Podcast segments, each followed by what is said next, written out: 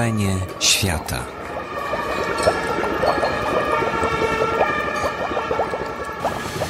Dobry wieczór Państwu. Y, y, dziękuję bardzo za przybycie na, na spotkanie y, poświęcone Sudanowi Południowemu. Opowiemy podczas tego spotkania o kraju, o pewnym projekcie Stowarzyszenia Edukacja dla Pokoju no i o tym, co, co dzieje się w Sudanie w tej chwili. Julia Prus, działająca w lokalnej organizacji dziennikarzy MAS w Dżubie, rozumiem, i, i w okolicach, czy też w Tak. całym Sudanie? W całym Sudanie Właściwie w Południowym. całym Sudanie Południowym. Piotr Palcerowicz i Piotr Boruszkowski, Stowarzyszenie Edukacja dla Pokoju. Ja się nazywam Dariusz Rosiak. Na początek proponuję, żebyśmy y, w ogóle opowiedzieli, czym, czym jest Sudan Południowy, skąd się wzięło to państwo, które istnieje zaledwie kilka lat. Y, I na przykład czym różni się ono i wojna w Sudanie, w Sudanie Południowym, czy w Sudanie, czym różni się od wojny w Darfurze, bo to y, wielu ludzi myli i, i pewnie mimo, że obie rzeczy jakoś tam się ze sobą wiążą, to, mm, to są jednak odrębne. Także może na początek Julia, bardzo proszę, wytłumacz skąd się wziął Sudan Południowy. Sudan Południowy jest najmłodszym państwem na świecie, które powstało no, ponad dwa lata temu e, na mocy rozmów pokojowych, które w 2005 roku zakończyły wojnę trwającą ponad 20 lat, a tak naprawdę można by było sięgać korzeni tej wojny od 55 roku,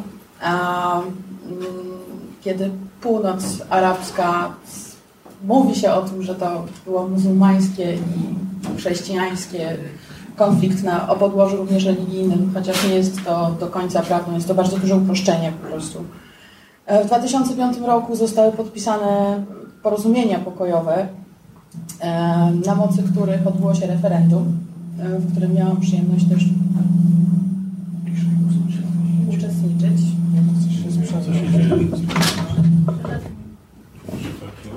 Wyłączyć w ogóle. Tak? Tak. Ty, ty, ty, mów, ty mów, a my wyłączamy. No i tak oto powstało państwo, które jest no, zupełnie nowym tworem, bo to jest budowanie czegoś zupełnie od zera, od wszystkich możliwych struktur prawnych, um, infrastruktury, której w kraju zupełnie nie ma, ponieważ kiedy Sudan był całością, południe było bardzo, bardzo zaniedbywane przez rząd w Chartumie. E, No i co jeszcze mogę dodać? To wszystko powolutku za- zaczyna jakoś tam działać. Dzisiaj jest taki dość e, ciekawy dzień, ponieważ okazało się, że właśnie odbył się próba, odbyła się próba zamachu stanu, więc w stolicy, w Dżubie, po ulicach jeżdżą czołgi, jest godzina policyjna i w ogóle bardzo martwię się o swoich znajomych tak naprawdę. E, O tym, co dokładnie tam się dzieje, porozmawiamy chyba później w takim szerszym kontekście. Ale może y, powiedzmy w ogóle, y, dlaczego była ta wojna? To znaczy, kto z kim walczył i, i dlaczego południe chciało się oderwać od północy? Oczywiście. E, Południe przede wszystkim w 1983 roku e, wybuchła wojna i tak naprawdę ta wojna była również wojną o ropę. Muzułmańska północ, Arabowie na północy bardzo chcieli mieć południe pod swoim własnym obcasem. Południowi Sudańczycy się na to nie zgodzili, powstała autonomia. Niestety wtedy, kiedy Chevron odkrył złoża ropy dokładnie na granicy Sudanów, dwóch Sudanów, um, okazało się, że, że, że północ, która wtedy była wspierana zresztą przez rząd Stanów Zjednoczonych, y, bardzo, bardzo starała się wpłynąć na. Znaczy, Stany Zjednoczone chciały bardzo wpłynąć na rząd północny, żeby przesunąć granice w dół, tak że- żeby złoża ropy znajdowały się oczywiście po stronie sojusznika Amerykanów. Y, To się nie udało z tego powodu, że południowcy się zbuntowali i w 1983 roku wybuchła wojna, w której zginęły 2,5 miliona ludzi. Prawie. Tak naprawdę nie wiadomo, jakie są statystyki do końca. Mówi się od 1,5 miliona ludzi do 2,5. Mm, No i ta wojna się toczyła o wolność, toczyła się o, o, o prawa. ale toczyła się też no, przede wszystkim o surowce i, i, i, i dostęp do, do, do, do równych praw. Coś panowie chcą dodać? Mi się zdaje, że istotne jest jednak y, takie zwrócenie uwagi na to, że surowce surowcami, natomiast to była wojna to była w dużym stopniu wojna religijna i to była w dużym stopniu wojna e, rasowa. To znaczy. Tak, ten element rasowy jest niezwykle. mniej, ale rasowa na pewno. Może korzystajmy tylko z tymi dwóch. Nie, bo cztery pewnie się będzie sprzęga. Dobra, proszę. Ten wątek rasowy jest niezwykle ważny, bo do tej pory na południu y, mieszkańcy Sudanu Południowego to podkreślają bardzo często. Y, niechętnie o tym mówią, bo ofiary rasizmu niechętnie o tym mówią, że są ofiarami rasizmu, ale ten wątek y, zawsze się przewijał. Ja sam tam o tym będziemy o projektach y, za moment mówili. Y, sam prowadząc warsztaty, wykłady, rozmawiałem z osobami, które były kształcone w Hartumie na północy, w stolicy Sudanu, jeszcze tego niepodzielonego politycznie. I od czasu do czasu ten rasizm się przejawiał, więc południe y, domagało się niezależności, pewnej godności i to wynikało y, właśnie z tych kwestii y, w dużym stopniu rasowych i biedy, bo południe było zawsze niedoinwestowane. Arabowie kontrolujący cały Sudan woleli inwestować w tę część arabską, a Sudan y, Południowy historycznie był też zapleczem y, niewolnictwa, y, więc ten stosunek Arabów w Sudanie do ludności czarnej na południu zawsze był negatywny, zawsze traktowano. Był pogardliwy, tak, traktowano ich po prostu jako właściwie maszyny do pracy. E, jako potencjalnych niewolników i nawet kiedy niewolnictwo przestało istnieć, e, to ono de facto w wielu miejscach w Sudanie do tej pory istnieje. O tym się nie mówi. Zresztą na marginesie musimy sobie uświadomić, że wedle najnowszych y, statystyk na świecie jest około 30 milionów y, niewolników, y, z czego około 60% w Azji Południowej, Indie, Pakistan, Sri Lanka, Nepal, Bangladesz. Mm, ale w Afryce tych niewolników to jest ta druga część, pewnie kolejne 30% mm, wszystkich niewolników świata i Sudan niestety też pod to podlega. Mm, ta pogarda społeczna, brak godności połączona z nędzą przy różnicach y, religijnych oczywiście powoduje, że tym hasłem, y, które bardzo łatwo daje się wykorzystać politycznie, to właśnie jest religia, więc wtedy podkreśla się podziały religijne y, mając na celu pewną mobilizację społeczną. Każdy ruch polityczny wymaga tego, żeby e, mieć pewne społeczne zaplecze. Powiedzenie, że jesteśmy nędzarzami i nas się źle traktuje, nie zawsze e, wystarcza. Dużo lepszym, skuteczniejszym mechanizmem jest właśnie odwołanie się do wartości e, religijnych, bo one jednocześnie powodują, że ma się pewną misję. Broni się już nie tylko własnej godności, ale także pewnych idei, w tym wypadku religijnych. Coś, jeszcze coś tak, też nie bez powodu, kiedy właśnie południe uzyskało niepodległość, jakby takim sztandarowym hasłem rządowym, propagandowym, oprócz tego, że no, mamy tutaj newborn nation i w ogóle jesteśmy najmłodszym państwem na świecie, ale też to, że w końcu jesteśmy obywatelami pierwszej klasy i to, to było wszędzie powtarzane, to było na wszystkich możliwych transparentach. No i to jest właśnie to, o, o czym ty mówisz, Piotrze. Czyli ta taka chęć, fakt, że to później przeszło i w tej chwili jest taka sytuacja po dwóch latach, że wielu południowych Sudańczyków e, czuje się już tak bardzo obywatelami pierwszej klasy, że zaczynają traktować obywateli Ugandy, Etiopii czy Kenii, którzy przyjeżdżają do pracy w Sudanie Południowym, jako obywateli drugiej albo i trzeciej klasy, więc to jest już kolejna sytuacja, która się z tego rodzi w tej chwili. Tak, ale to pewnie, to pewnie jest nowe, natomiast yy, ja myślę, że też chyba to jest trochę tak, że ten Sudan Południowy powstał yy, niejako z, z konieczności, to znaczy gdyby czarni byli przez Sudan, yy, przez Khartoum traktowali normalnie, to prawdopodobnie nie dążyliby do oderwania się, bo to nie, y, y, to nie było w interesie nikogo. Natomiast y, to jest pierwsza uwaga. A druga uwaga to jest taka, że Sudan jest chyba takim najlepszym wskaźnikiem pewnego zjawiska, które ma miejsce w całej Afryce, myślę, prawie całej Afryce.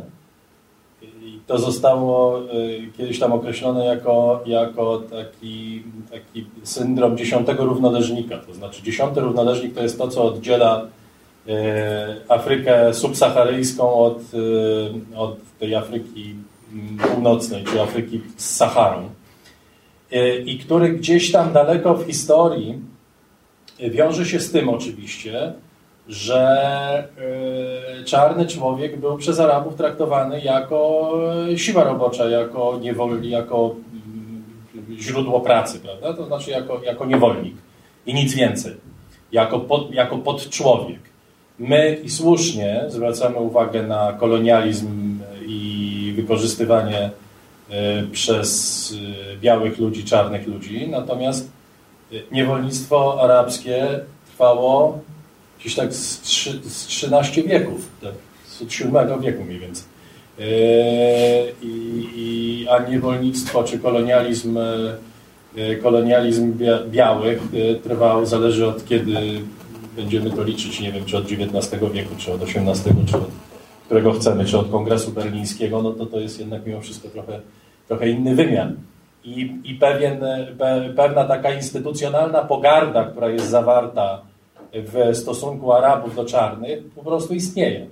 I ta wojna była wyrazem e, takim naj, naj, najsilniejszym tego, co, co jakiś czas jest obecne i widzimy to teraz. Widzieliśmy to na wybrzeżu Kości Słoniowej, gdzie była wojna domowa pomiędzy północą i południem Widzieliśmy to, widzimy to w Nigerii w tej chwili e, i widzimy to w, e, w, Sudanie. Mali jest troszeczkę innym przykładem, bo tam chrześcijan praktycznie nie ma, to biją się między sobą muzułmanie, prawda? Ale, ale myślę, że na to też warto zwrócić uwagę, na ten właśnie e, chyba najbardziej istotny w tej wojnie i w tym konflikcie mm, element różnic pomiędzy północą czy Arabami, mówiąc krótko, i, E, i czarnymi. No tu bardziej teraz zastanawia z kolei taki wielki sentyment, ponieważ po trzech latach, um, kiedy bardzo wielu ludzi wróciło, setki tysięcy ludzi powróciło z północy na południe i tak naprawdę po tych dwóch, lat, po dwóch latach niepodległości spotykam bardzo wielu ludzi z kolei, którzy mówią ojej, ale ja to bym strasznie chciał wrócić do Hartumu. Bo przyjeżdżają ludzie do miasta, w którym nie ma prądu, nie ma wody, ceny są straszne ale ten sentyment istnieje i też jakieś przyjaźnie i kontakty nadal są. To jest ciekawe, nie? Znaczy, ja chciałem powiedzieć coś takiego. Miałem okazję rozmawiać z Sudańczykami, robiąc reportaż, który będą Państwo mieli okazję obejrzeć. E, I tam jeden z moich, chyba mogę tak powiedzieć, przyjaciół, których tam poznałem, Chris, powiedział, że to z tymi kwestiami ekonomicznymi to było troszkę tak, jak z, dojeniem krowy. Ma, się krowę, ktoś ją doi, i normalnie sprzedaje mleko. A w wypadku Sudanu było kompletnie odwrotnie, czyli Sudańczycy z południa mieli tą krowę, ale doili ją e, Sudańczycy z północy. I dla nich to jakby te kwestie ekonomiczne, bo oni się bardzo przyjaźnią, muzułmanie, chrześcijanie w części tej e, południowej bez problemu, natomiast te ekonomiczne kwestie myślę miały tutaj podstawową e, sprawę. Tam w filmie mówi coś takiego, mamy, e, tam są drogi, tam są piękne sklepy, tam są ulice, wszystko mają, a u nas nie ma nic. I myślę, że to ich najbardziej bolało i to, co Julia powiedziałaś o tym, że chętnie byśmy wrócili, bo tam jest po prostu, dla nich jest tam po prostu pięknie. Musimy pamiętać, że do tej pory w Sudanie y, jest tylko jeden odcinek drogi asfaltowej, jakieś 180 kilometrów. Nie, nie, nie, już jest 300, jest, update mały, przepraszam, nie, rozwija się, nie, więcej, tak? Bo kiedy Sudan powstał, Sudan Południowy powstał, to nie było ani kawałka asfaltowej drogi, więc to rzeczywiście był obszar całkowicie wiejski. Stolica Dżuba to właściwie większa osada wiejska. Y, ale myślę, że jeszcze na jedną rzecz trzeba by zwrócić uwagę. Właśnie ropa naftowa. Moim zdaniem to jest ten klasyczny przy, przykład, których tak wbrew pozorom jest strasznie mało. Klasyczny przykład y, konfliktu o surowce, gdzie wchodzą duże koncerny i chciałyby korzystać z tej y, ropy naftowej, natomiast przy obecnych stosunkach politycznych, przy rządzie w Sudanie, gdyby Sudan jako całość istniał, to koncerny zachodnie nie miałyby najmniejszych szans y, dostępu do y, złóż ropy naftowej. Więc moim zdaniem to jest właśnie taki przypadek, kiedy wydzielono fragment y, kraju, y, niejako sponsorując, wykorzystując te elementy napięć, nierówności społecznych, pogardy, y, które dają się bardzo łatwo wykorzystać po to, żeby wydzielić kawałek kraju, który docelowo będzie tak naprawdę dużą prowincją dla wykorzystania przez koncerny naftowe. I to jest, to jest samo w sobie smutne, bo mm, to też będzie wyjaśniało, dlaczego Sudan Południowy do tej pory jest tworem politycznie sztucznym, y, w którym w każdym momencie może wybuchnąć już wewnątrz sudańsko-południowa wojna domowa. To nie tylko koncerny naftowe, dlatego że Sudan Południowy jest również bogaty w złoto, diamenty i całą tablicę Mendelejewa, która również się znajduje w sąsiednim Kongo, w którym niestety sytuacja nie wygląda ciekawie i wiemy jaka jest, no może teraz jest troszeczkę lepiej. No ale, ale, ale to, jest, to jest to, to nie tylko ropa już jakby jest na tapecie. Ja, ja muszę powiedzieć, że ja mam problem zawsze, jak słyszę, że, że koncerny naftowe coś tam zrobiły w Afryce i to wyłącznie jest w ich interesie. To znaczy, jaka była alternatywa? To znaczy, czy alternatywą było niepowstawanie Sudanu Południowego, czy alternatywą było to, żeby ci ludzie dalej byli traktowani tak, jak byli traktowani, czy alternatywą jest próba y, zbudowania państwa. Y, wiesz, to y, ja, y, koncerny naftowe, a ja, a ja ci powiem, że ciebie denerwują koncerny naftowe, a mnie denerwują setki tysięcy pomocników, którzy tam przyjeżdżają i którzy robią kariery zawodowe na pomaganiu innym. To jest, no po prostu tak jest. Ja zawsze też jestem bardzo ostrożny, kiedy posługujemy się hasłem y, ropy naftowej jako czynnika wyjaśniającego konflikty. W wypadku, no, takim najbardziej znanym tym przykładem jest wojna czy okupacja amerykańska Iraku. I ropa naftowa tutaj była czynnikiem zupełnie nieistotnym, wbrew powszechnej, powszechnemu poglądowi. Natomiast w tym wypadku twierdzę, że pewne procesy społeczne, to, że partyzantki południa miały pieniądze, mogły funkcjonować, to było przy pewnym wsparciu z zewnątrz, które daje się wyjaśnić w sytuacji, kiedy wyobrazimy sobie złoża ropy naftowej na południu Sudanu jeszcze niepodzielonego, do których przy prezydencie Bashirze no, zdecydowanie antyamerykańskim, kiedy nie ma żadnych perspektyw na to, żeby Bashir wprowadził y, koncerny zachodnie do tych złóż, Y, więc jeżeli jest, jest oczywiście, się jest oczywiście, że to jest oczywiste, że to jest miejsce e, e, ścierania się interesów różnych krajów, prawda? Skąd się tak. wziął tam Izrael? No wiadomo, że wiadomo, że, e, że Izrael na przykład wspiera budowę armii południowo-sudańskiej, że oni są tam obecni i tak dalej. Ma satelitę, który monitoruje tak, a, a, a, oczywiście nie jest Izrael zainteresowany tym, żeby Hartumowi pomagać. No po prostu taki, są, taki jest rozkład interesów światowych i, i oczywiście możemy ubolewać nad tym i, i, i, i się zrzymać, ale znaczy ktoś z tą ropą będzie musiał coś zrobić. Też mi się wydaje, że warto jakby patrzeć, że tak powiem, dynamicznie na to, co się dzieje. Jest ten słynny, y, słynne to miejsce Abiei, prawda, region, w którym, no jak słychać obecnie, ta ropa jest coraz mniej jest istotna. To jest, to jest E, sprawa ropy z jednej strony, ale z drugiej strony to jest e, walka o wpływy polityczne, walka o to, kto będzie tam rządził. Taka prosta, czytelna, e, czy, czy my, czy oni, prawda? Kto będzie czerpał zyski, kto będzie miał dostęp, czy w tym wypadku do pastwisk, do, do wody, do krów, to są bardzo, bardzo nie, konkretne nie wartości. sensu istnienia Sudanu Południowego, tylko wskazuje na dodatkowy, bardzo ważny czynnik, który przyczynił się do wyodrębnienia tego obszaru Sudanu.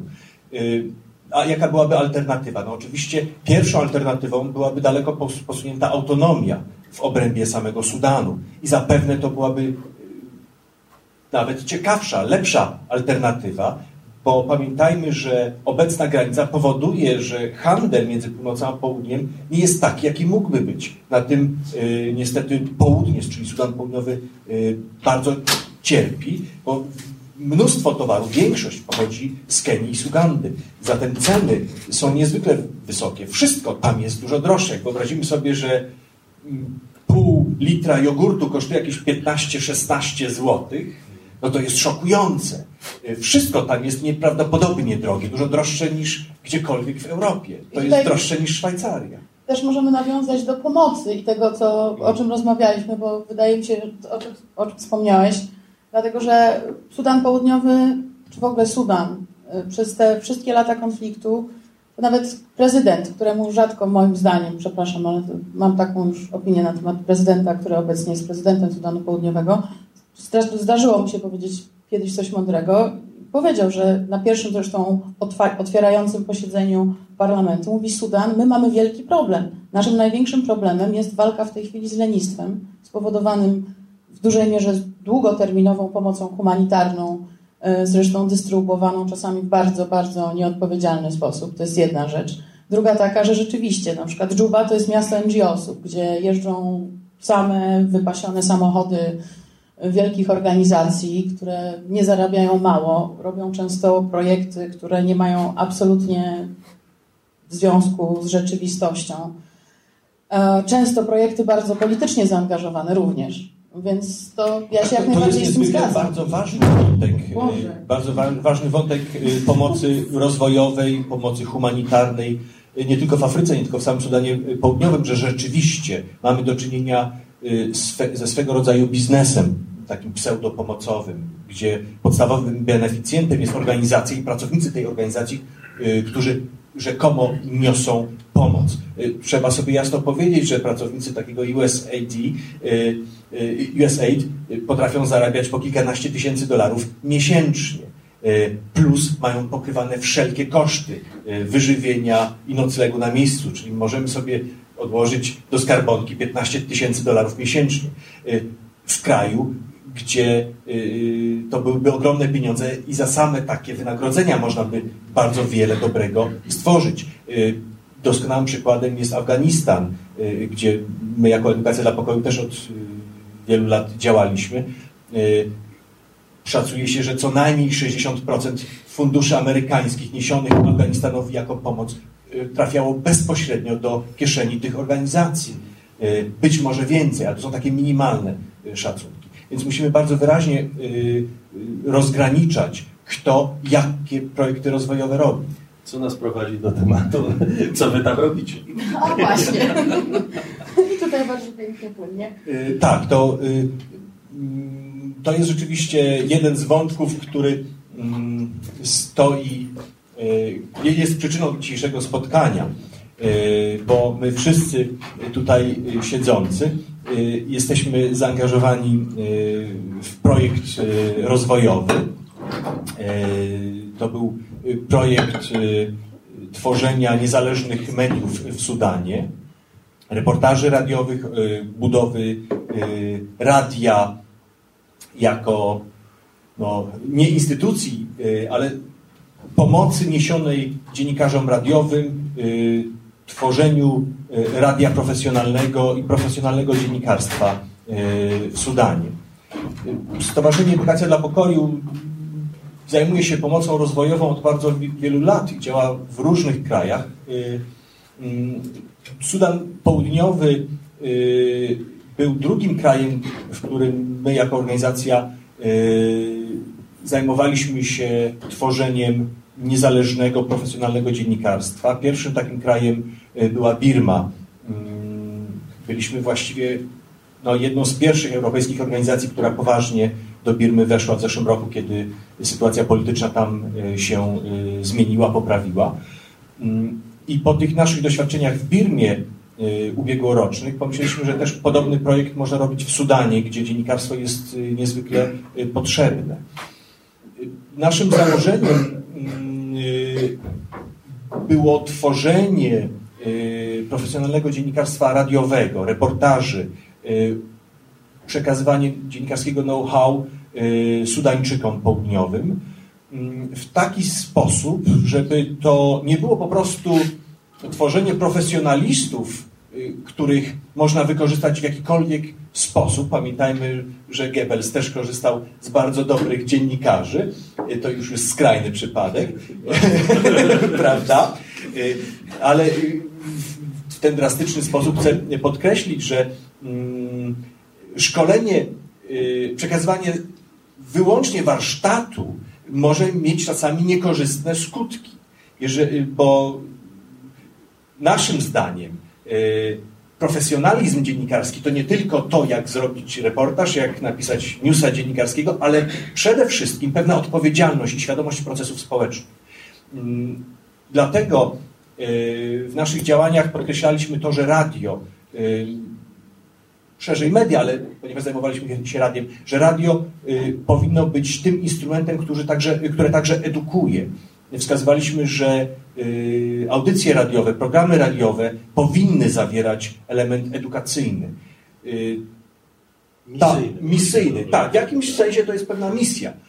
To jest szalenie ważne, szczególnie w kraju tak bardzo głęboko podzielonym etnicznie, gdzie jest y, wiele gdzie tli się wiele konfliktów etnicznych i ten wątek y, ewentualnej kolejnej wojny domowej już w samym Sudanie Południowym y, ciągle się przewija.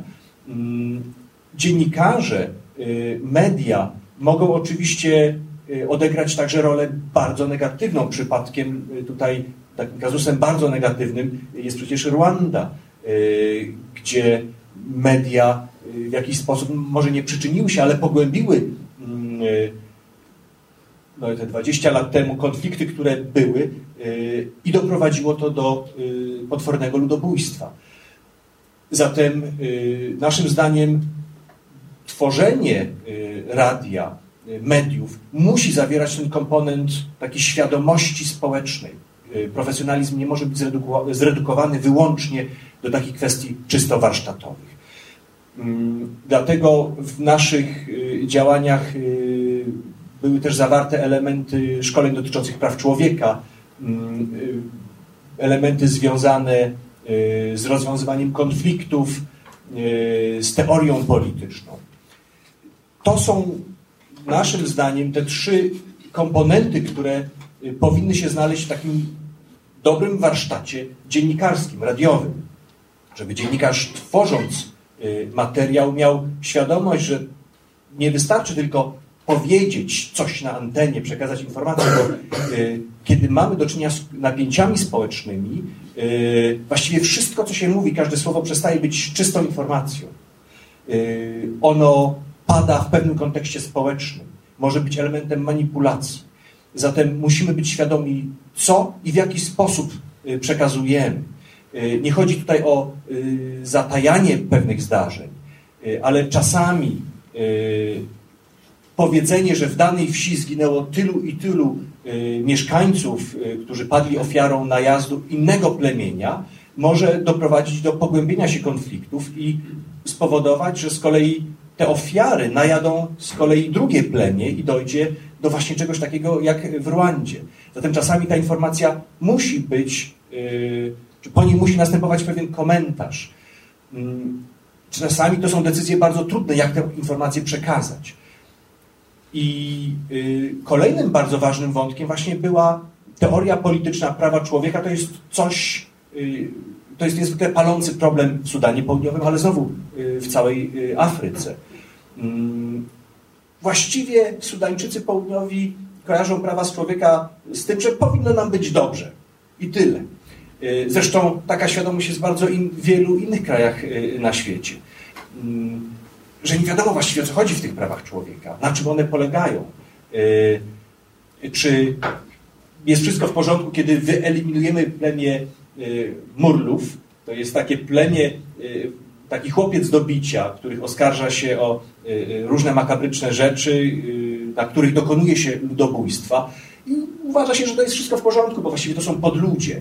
Mm, więc uświadamianie dziennikarzom, że to nie jest tak prosto, że to są też ludzie, oni też mają swoje prawa, to jest bezpośrednia konsekwencja pod takiej jednej z podstawowych zasad praw człowieka równości, godności, że godność y, jest taka sama dla nas wszystkich i ona wypływa z samego prostego faktu, że każdy z nas, bez względu na to, czy jesteśmy nuerami, dinkami czy murlami, my wszyscy jesteśmy ludźmi. Zatem y, to pociąga za sobą pewne mm, skutki i my powinniśmy to zaakceptować.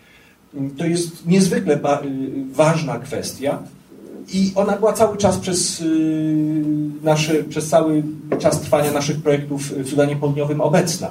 Y, odrębnym takim momentem były warsztaty właśnie poświęcone wyłącznie prawom człowieka, teorii politycznej i teorii konfliktów, jak je rozwiązywać. To były szkolenia przeprowadzane mm, na Uniwersytecie w Dżubie, w stolicy, dla dziennikarzy, ale nie tylko. Właściwie uczestniczyli w nich y, wszyscy dziekani, prodziekani, szefowie instytutów. To był pierwszy tego typu warsztat kiedykolwiek organizowany, wydaje się, w Sudanie Południowym.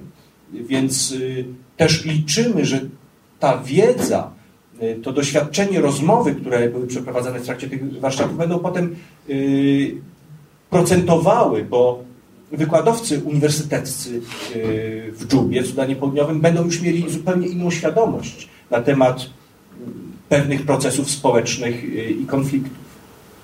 Na, na przykład w jaki sposób rekrutowaliście ludzi do, do, do, do, nie wiem, rozumiem, że powstały stacje. Jak to technicznie wyglądało? Tak. Ponieważ ja przyjechałam do Sudanu Południowego troszeczkę wcześniej i też wcześniej założyliśmy lokalną organizację z południowo-sudańskimi dziennikarzami, więc rekrutacja przebiegała w taki sposób, że rozmawiało się z szefami rozgłośni do stacji, której wiemy, że na przykład dawno nie było treningu, Um, niektórzy dziennikarze... Ile takich rozgłośni tam jest? Rozgłośni jest ponad 30, więc jest z czego wybierać. Jest 10 rządowych i ponad 25 stacji, które są niezależne, albo katolickie, czy chrześcijańskie, albo bardzo prywatne, bardzo lokalne rozgłośnie, które zresztą mają bardzo, bardzo ważną rolę e, w społecznościach, ponieważ w momencie, kiedy nie ma dróg, ludzie nie mówią ani po angielsku, ani po arabsku, ponieważ w Sudanie Południowym są dwa języki urzędowe. Ktoś do nich musi mówić ich językiem. I dokładnie to jest, to jest podstawowa funkcja w rozgłośniach lokalnych. Jeżeli chodzi o dalszy proces rekrutacji, e, no to zazwyczaj było tak, że szefowie stacji dawali nam osoby, które chcieliby bardziej doszkolić. W Dżubie było tak, że sami znaliśmy e, kilku kolegów czy koleżanki, które chciały mieć tych szkoleń troszeczkę więcej. No i w ten sposób w większości przypadków znaleźliśmy bardzo dużo młodych, zdolnych ludzi, z którymi jesteśmy cały czas e, w stałym kontakcie. I również doradzamy w przyszłych reportażach i materiałach, które powstają w tej chwili. E, tutaj powinien jeszcze powinien jeszcze e, podkreślić pewną niezwykle ważną rzecz. Otóż no, nasz zespół to byli trenerzy, którzy Y, szkolili dziennikarzy, mm, ale no, osobą bardzo ważną w projekcie była Aleksandra Minkiewicz, która tutaj jest na sali też, która była koordynatorką projektu. Ona zarządzała y, całą tą sprawą, tą stroną organizacyjną. Y, I projekt w ogóle nie byłby możliwy bez dofinansowania Ministerstwa Spraw Zagranicznych. Y, tutaj chciałbym MSZ-owi podziękować. To było w ramach programu Polska Pomoc 2013.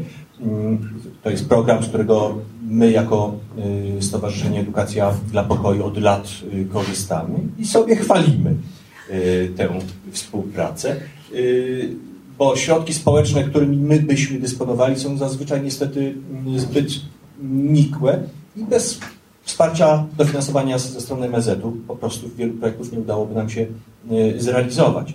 Tu na marginesie warto podkreślić pewien problem, który dostrzegam w Niemczech, e, dostrzegam w Polsce, a nie dostrzegał w Niemczech, gdzie mieszkałem przez bardzo wiele lat, mm, tam na uniwersytecie pracowałem. Mm, jest to mianowicie zupełnie inne podejście w Polsce do pomocy rozwojowej. Polacy nadal żyją w przekonaniu, które wykształciło się gdzieś y, na przełomie lat 70. i 80. Y, w ramach kryzysu późnego Gierka, y, pierwszej Solidarności, że na półkach stoi ocet, Polska jest biedna i nic tu nie ma. Zatem Polska wymaga wsparcia z zewnątrz. Tak było, ale to jest już prehistoria. Polska należy do grupy około 30 najbogatszych krajów świata. To jest coś zdumiewającego, choć y, Polakom wydaje się, że nadal jest źle. Oczywiście zawsze mogłoby być lepiej, ale jak się porówna to, co się zmieniło w Polsce z tym, co jest teraz, to jest zupełnie inna rzeczywistość. I to, że należy się do y, tego, co by tu nie mówić, elitarnego klubu 30 najbogatszych państw świata, y, w pewnym sensie zobowiązuje. Niemcy są świadomi, że ich bogactwo z czegoś wynika, ale też powinni się tym bogactwem dzielić. Polacy nadal określają się jako osoby biedne, jako biedny naród wymagający pomocy. I to światełko y, jakoś nadal ledwo się tli, że należałoby pomagać innym. Polska bardzo dużo otrzymała z Unii Europejskiej, z bardzo różnych innych źródeł. Y, samo umorzenie swego czasu długu polskiego w latach 90. też było czymś niezwykle ważnym. Y, zatem Polska mogła dokonać ogromnych przemian gospodarczych, społecznych dzięki wsparciu z zewnątrz. I Polacy powinni mieć świadomość, że na, spoczywa na nich teraz po prostu moralny obowiązek. Niestety z tego moralnego obowiązku, moim zdaniem, wywiązują się bardzo, bardzo słabo. Mm, I to znajduje to także odzwierciedlenie w bardzo niskim y, poparciu społecznym dla różnych organizacji pozarządowych działających, niosących pomoc rozwojową w Afryce czy w Azji. Y, to powinniśmy Polakom cały czas uświadamiać. Yy, dobrze. Ja, ja szczerze mówiąc nie, nie wiem, czy rzeczywiście jest aż tak tragicznie. To znaczy, czy rzeczywiście Polacy mają takie, yy, takie negatywne podejście do, do pomocy, ale, ale pewnie nie mamy instrumentu, żeby teraz o tym rozmawiać. Zostawmy to. E, natomiast ja bym się chciał spytać, co wy konkretnie robiliście? To znaczy, co, yy, na, na czym to polegało, oprócz tego, że, że robiliście wykłady, czy na przykład, nie wiem, oni robili także programy.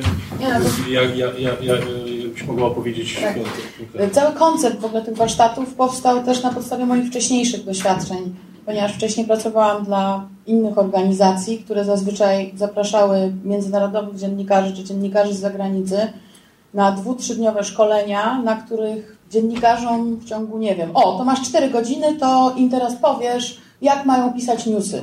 No i po prostu zgubisz, no jak masz kogoś nauczyć, jak tutaj w ogóle ma pisać newsy, albo masz dwie godziny na to, żeby opowiedzieć o sztuce przeprowadzania wywiadów i zadawania pytań. No to, to, to jest po prostu bez sensu, no taka teoria się mija z cen.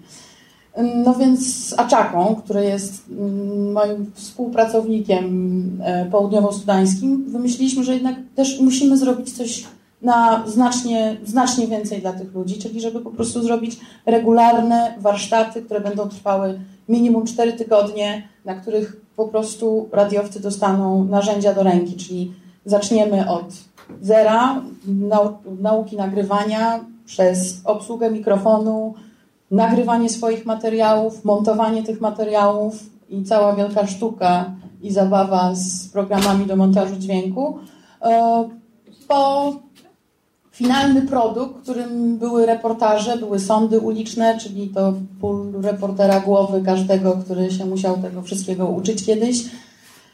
No i powstało 48 reportaży długich, które no, na lokalne warunki są bardzo ciekawe i też bardzo ważne dla lokalnych społeczności. Niektóre reportaże są fascynujące również dla nas i mam nadzieję, że też jeszcze będziemy mieli szansę ich wysłuchać, kiedyś przetłumaczonych na polski. Um, ale na przykład parę razy były bardzo poruszające historie. Na przykład taka dziewczyna e, postanowiła zrobić reportaż o e, panu, który był uwięziony przez 4 lata w więzieniu jako, i trzymany jako zakładnik, ponieważ jego e, syn e, został oskarżony o zamordowanie e, jak, jakiegoś wojownika, jednego, który niby miał być żołnierzem armii Koniego, a się okazał być takim Arrow Boysem, czyli to jest taka grupa lokalnych y, wojowników, którzy po prostu chronią, żołnierzy, którzy chronią wioskę.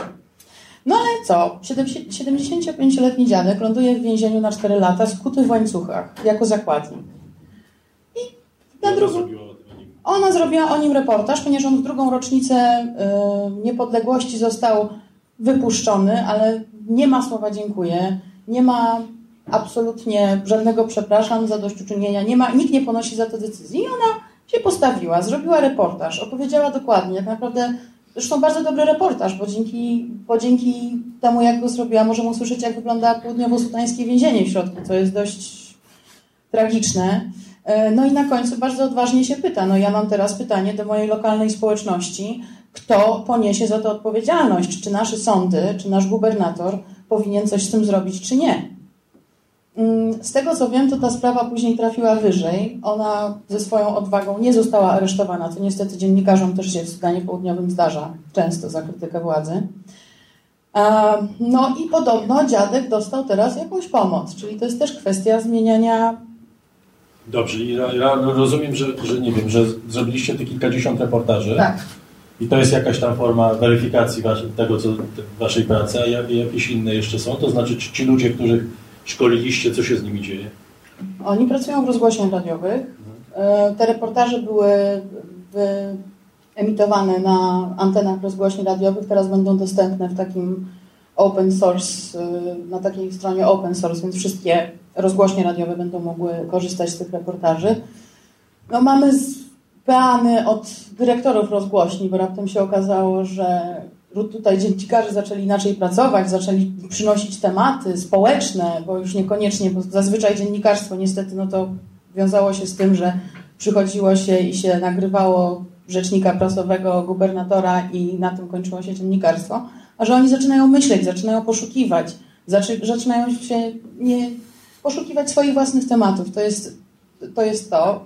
Drugą weryfikację, którą, którą dostałam zresztą bardzo dobrą opinię od konkurencji naszej, jest taka organizacja, która mówi Julia, która produkuje materiał, mówi Julia, Boże, po tych waszych treningach to normalnie oni nam zaczęli wysyłać materiały zmontowane od początku do końca. Jesteśmy w szoku. I no, dla mnie to jest na przykład wielka weryfikacja, jednak zrobiliśmy kawał roboty razem. Y, tu trzeba podkreślić, że dziennikarze, których szkoliliśmy, to w dużym stopniu to osoby już pracujące w jakichś rozgłośniach, tylko bez wcześniejszego właściwego przygotowania. Druga grupa to są ci freelancerzy, wolni strzelcy, którzy albo rozpoczynają swoją karierę zawodową, albo pracują trochę tu, trochę tam dla różnych rozgłośni. To są dwie podstawowe y, grupy, plus ta grupa akademicka na uniwersytecie.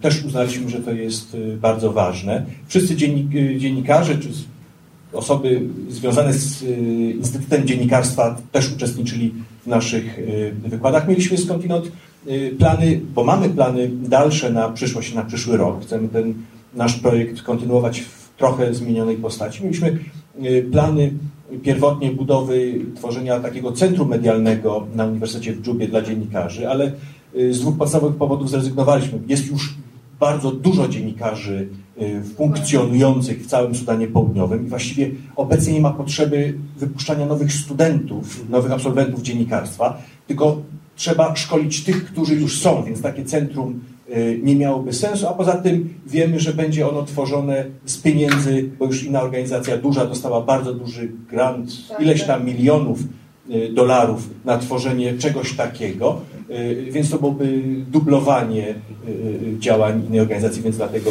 z czegoś takiego w ogóle zrezygnowaliśmy. Będziemy nadal szkolili dziennikarzy, nie tylko radiowych, także telewizyjnych, ale to nasze plany na przyszłość. I prasowych, tak. Ale to już jest projekt, projekt przyszłościowy. Okej. Okay. Proszę Państwa, proponuję, żebyśmy teraz obejrzeli film nakręcony przez Piotra. To może ja powiem dwa słowa. To jest reportaż, który powstał jako część projektu, e, ponieważ e, w każdym projekcie MSZ-u są takie możliwości, żeby zrobić komponent edukacji rozwojowej. To oczywiście mogą być broszurki, to mogą być różnego rodzaju książeczki, spotkania, ale mogą być również e, filmy. I my staramy się takie filmy przygotowywać, one później trafiają nie tylko na YouTube'a, nie tylko na jakieś wewnętrzne kanały, ale staram się, żeby były one emitowane również w telewizji. E, tutaj mamy taką współpracę nawiązaną z TVP Historia, z telewizją publiczną i ten film będzie, od razu powiem, pokazywany, pierwsza taka poważna emisja będzie 5 stycznia o 23.15. Dla tych, którzy wolą poranne godziny, będzie 23 stycznia o godzinie 13. E, natomiast dzisiaj będzie taka, nazwijmy to, prapremiera mm, i to jest reportaż, który nie opowiada ani o naszym projekcie, ani o naszej organizacji, opowiada jakby ogólnie o problemach, z jakimi Sudańczycy południowi się na co dzień spotykają, E, i jakby z jakimi problemami powinna, e, jakimi problemami powinna zajmować się pomoc dla Sudanu Południowego. To jest 20 minut, też powtórzą się pewne rzeczy, o których tutaj mówiliśmy, ale mam nadzieję, że da ten reportaż Państwu taki obraz miarę pełny, na ile oczywiście można dać pełny obraz Sudanu Południowego. Jeszcze przed, chciałem powiedzieć jedną rzecz o Julii. Ja byłem w różnych dziwnych miejscach, realizowałem, kręciłem, byłem dziennikarzem, choćby w Afganistanie, w Iranie, Powiem, że to jest najtrudniejsze miejsce do pracy dla dziennikarzy. Takiej niechęci w stosunku do mediów, do dziennikarzy. E, każde ujęcie do reportażu dlaczego pan to robi, po co pan to robi. Na przykład pozwolenie e, na, na zdjęcia na drodze od Ministerstwa Dróg, a na wodzie to od Ministerstwa Żeglugi. Po prostu pozwolenie na pozwolenie. Dlatego tym większy szacunek dla Julii, że ona po prostu z nimi pracuje, bo to jest po prostu bardzo trudna i często niebezpieczna praca. Nie, ja chciałam raczej powiedzieć, że to dla dziennikarzy, którzy siedzą w Sudanie Południowym sami i pracują dla lokalnych mediów, często też narażając swoje życie i zdrowie, no, bo rząd niestety nie za bardzo chce pokazywać swoje wady. Zresztą żaden rząd nie chce, ale ten wyjątkowo bezczelny.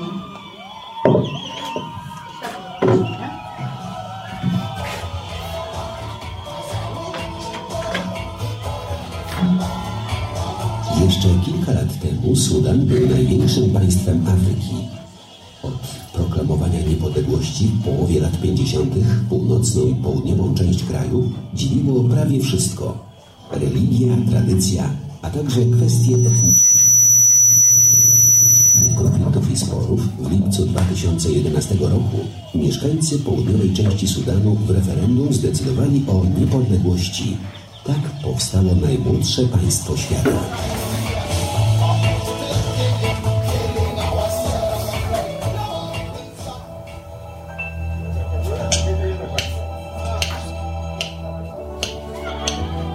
Takim symbolem rozwoju najmłodszej stolicy świata może być góra, która się nazywa Jebel Kujur. Jebel po arabsku to jest góra, Kujur to jest góra magii. Jest takie bardzo symboliczne miejsce, bo od czasu, kiedy tu jestem, ta góra zmieniła kształt.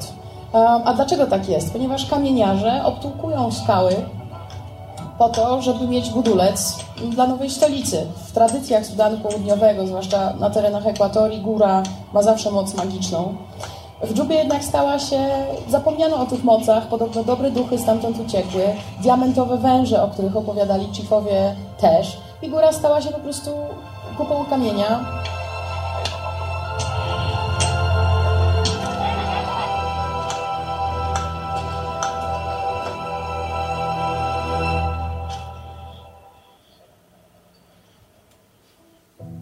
Od początku swojego istnienia Sudan nękany był przez konflikty plemienne i religijne.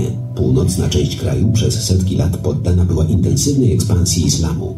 W południowym natomiast dominującą rolę odgrywa chrześcijaństwo. Różnice dzielące północ od południa sprawiły, że właściwie od samego początku południowa część kraju dążyła do niezależności. W 1983 roku powstała SPLA, Armia Ludowo-Wyzwoleńcza Sudanu Południowego. Tak rozpoczął się jeden z najbardziej krwawych konfliktów lokalnych w dziejach świata. Trzeba pamiętać, że tutaj ponad 4 miliony ludzi zostało wypędzonych z domów. Y, 2,5 miliona zginęły podczas wojny domowej. Więc wszyscy wierzyli w to, że Sudanowi Południowemu należy się niepodległość i ludziom tutaj należy się lepsze życie. W styczniu 2005 rząd centralny w stolicy Sudanu, Chartumie, podpisał z SPLA zawieszenie broni. W jego wyniku 10 południowych prowincji kraju otrzymało znaczącą autonomię.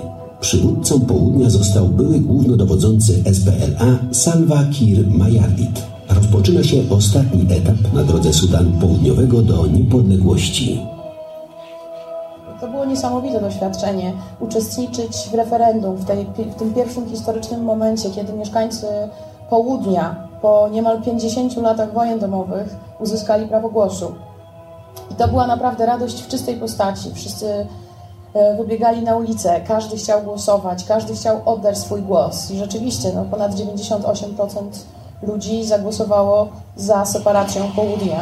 I w ten sposób powstało nowe państwo, które pół roku po referendum e, w 2011 roku, 9 lipca, uzyskało niepodległość. Rząd tego kraju tak naprawdę składa się z, z, prawie wyłącznie z rebeliantów. I trudno też oczekiwać od tego, że władza, która pojawiła się po 20 latach walki, jest w stanie stworzyć nowe państwo, które od samego początku zacznie funkcjonować. Władze w Chartumie nie do końca pogodziły się z utratą bogatych w ropę terenów należących obecnie do Sudanu Południowego. Tak więc relacje między sąsiadującymi krajami są niezwykle napięte. Granica między obydwoma państwami nie jest do końca ustalona. Cały czas dochodzi na niej do prowokacji i działań zbrojnych. Rozłączenie naszych dwóch krajów porównałbym do rozwodu. Żadna kobieta nie będzie szczęśliwa, gdy zostawi ją mężczyzna. Nawet po kilku latach od rozstania zawsze pozostaje gdzieś jakaś niechęć i wzajemne pretensje. Myślę, że ten żal Sudanu do Sudanu Południowego ma duży wpływ na obecną sytuację.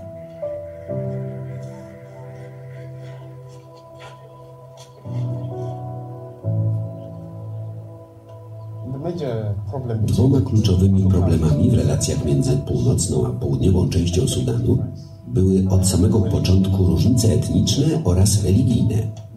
Na północy mieszkają głównie muzułmanie, natomiast na południu większość mieszkańców stanowią chrześcijanie. Przez wiele lat północ próbowała narzucić ludziom z południa swoją religię i zasady. Od samego początku taka sytuacja prowadziła do wielu konfliktów.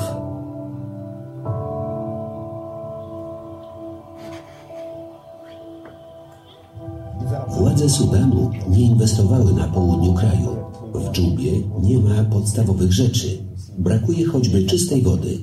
Na północy, w Khartumie, jest rozwinięta infrastruktura. Paradoks polega na tym, że te wszystkie inwestycje na południu były finansowane ze sprzedaży ropy pochodzącej z południa. Porównałbym to z sytuacją, gdy jedna osoba jest właścicielem krowy, a druga ją doi i sprzedaje jej mleko. Sudan Południowy to jedno z najbiedniejszych i najsłabiej rozwiniętych państw w Afryce. Największym bogactwem i jednocześnie przekleństwem Sudanu Południowego jest ropa naftowa. Ze sprzedaży tego surowca pochodzi aż 98% produktu krajowego brutto. Są takie teorie, że cała wojna, która wybuchła w 1983 roku, zaczęła się od tego, że amerykański koncern naftowy Chevron, yy, ponieważ Amerykanie w tym czasie wspierali północ, zaczął lobbować za przesunięciem granicy na południe. Południe, które w tym czasie miało autonomię, nie zgodziło się na to. No i stąd kilka lat później wybuchła bardzo, bardzo poważna wojna. Ta ropa podczas tej wojny zawsze no, była jednym z podstawowych powodów konfliktu. Sprawa surowców pozostaje cały czas jedną z głównych kwestii spornych. Sudan wciąż próbuje na różne sposoby wpływać na zarządzanie zasobami ropy na południu. Od zeszłego roku trwa poważny kryzys pomiędzy północą i południem, związany z ustaleniem cen przesyłu ropy przez rurociąg znajdujący się na terytorium Sudanu. Władze w Chartumie zaproponowały drakońskie stawki za tranzyt ropy. Powiedziałbym, że między naszymi krajami trwa poważna ekonomiczna wojna. Moi współobywatele w referendum zadecydowali, że Sudan i Sudan Południowy to teraz dwa osobne państwa. Jednak ekonomicznie w wielu kwestiach wciąż jesteśmy zależni od rządu w Chartumie. Ludzie zastanawiają się, czy skoro tak jest, to czy naprawdę jesteśmy samodzielnym państwem. Kiedy w zeszłym roku zamknięto rurociąg naftowy i gospodarka naszego kraju podupadła, ludzie zaczęli pytać, czy aby na pewno jesteśmy wolni i niezależni.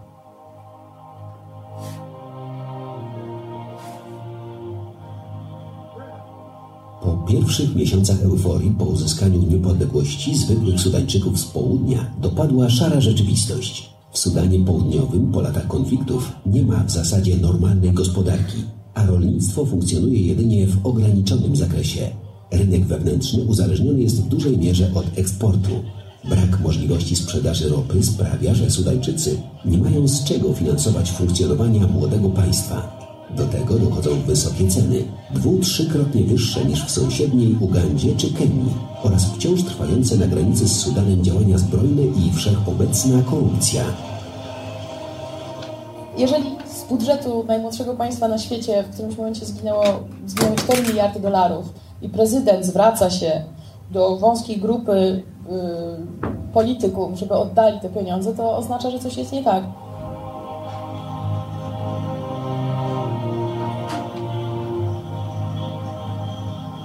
To, że jest korupcja, to widać po cenach samochodów, które po Dżubie jeżdżą. Kiedyś widziałam taką sytuację w jednej z restauracji nad Nilem, kiedy przyszło pięciu panów, położyli na stół walizkę w ogóle nie przejmując się niczym, zaczęli rozdzielać pieniądze. Tam było najprawdopodobniej kilka milionów dolarów, ponieważ to były takie cegły ze 100 dolarówek. No i tak tutaj jest, to nie ma kontroli. E, ludzie są niewykształceni, są też nie, nieprzygotowani do, do tej władzy, więc no, nie ma się czemu dziwić. To, to trochę jest tak jak dziki zachód w tej chwili.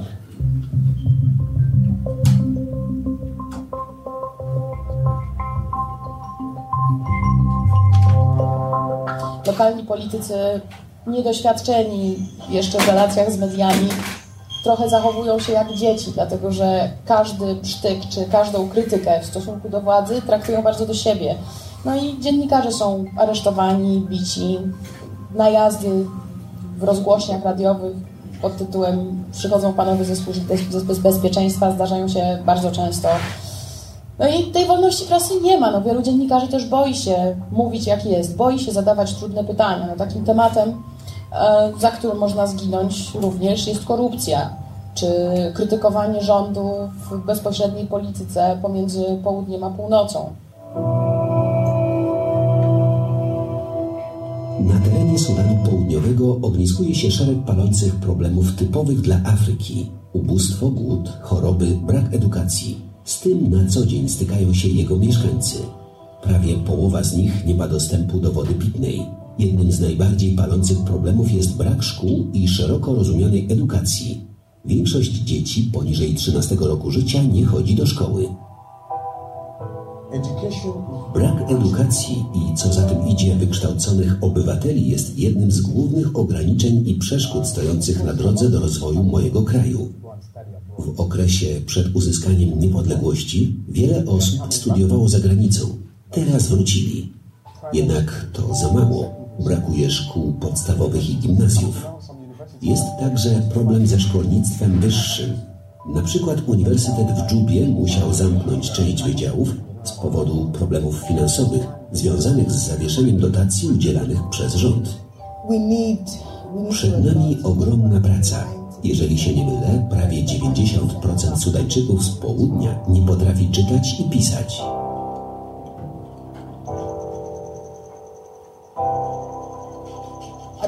Wielu ludzi jest analfabetami, to mimo wszystko możemy ich edukować poprzez kulturę i sztukę. Dlatego właśnie zdecydowałam się zostać filmowcem. Dzięki temu mogę dotrzeć do ludzi na wiele sposobów. Nawet jeżeli nie potrafią pisać i czytać, mogę im przekazać w artystycznej formie istotne i ważne informacje.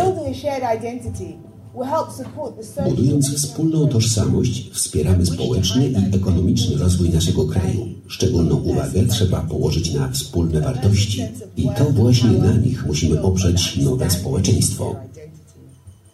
Edukować można przez teatr czy malarstwo. Ogranicza nas tylko wyobraźnia. Oczywiście możemy dotrzeć do ludzi z przesłaniem również przez muzykę.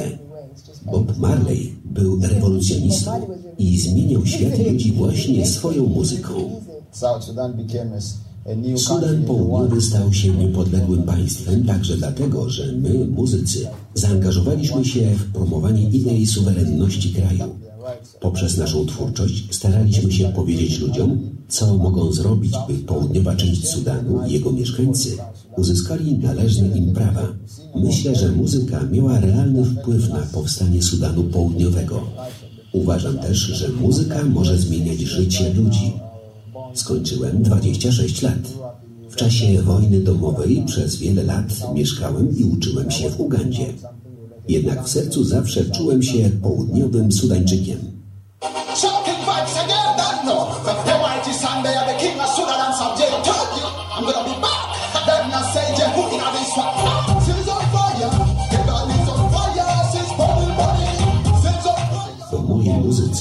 chcę opowiadać ludziom o miłości i o tym, że miłość może sprawić, że wszyscy Sudańczycy z południa staną się jednością. Napisałem piosenkę o potrzebie pokoju. Pokój i bezpieczeństwo są w tej chwili dla naszego kraju rzeczą najważniejszą. Moją piosenkę nazwałem Płacząc o pokój.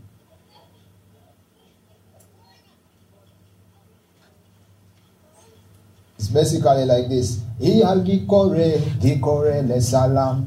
Nasawin gikore, gikore le salam. Warujal le salam. Yeah, it's like children.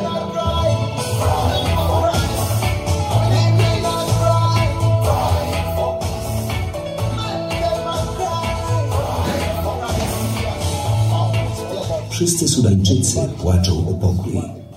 Chcemy, by cały naród mógł żyć w pokoju. To wszystko.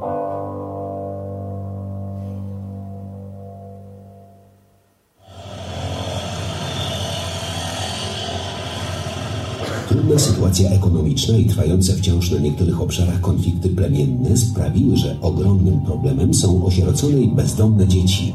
Na obrzeżach stolicy Sudanu Południowego, Dżuby, znajduje się kilka sierocińców.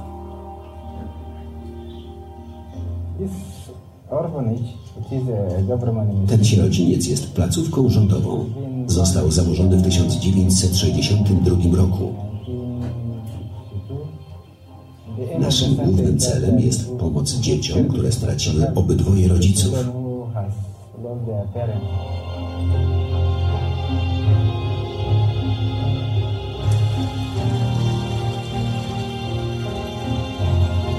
Here we have about 64, W ośrodku na stałe mieszka 64 dzieci. about 18 Mamy 18 dziewczynek i 46 chłopców.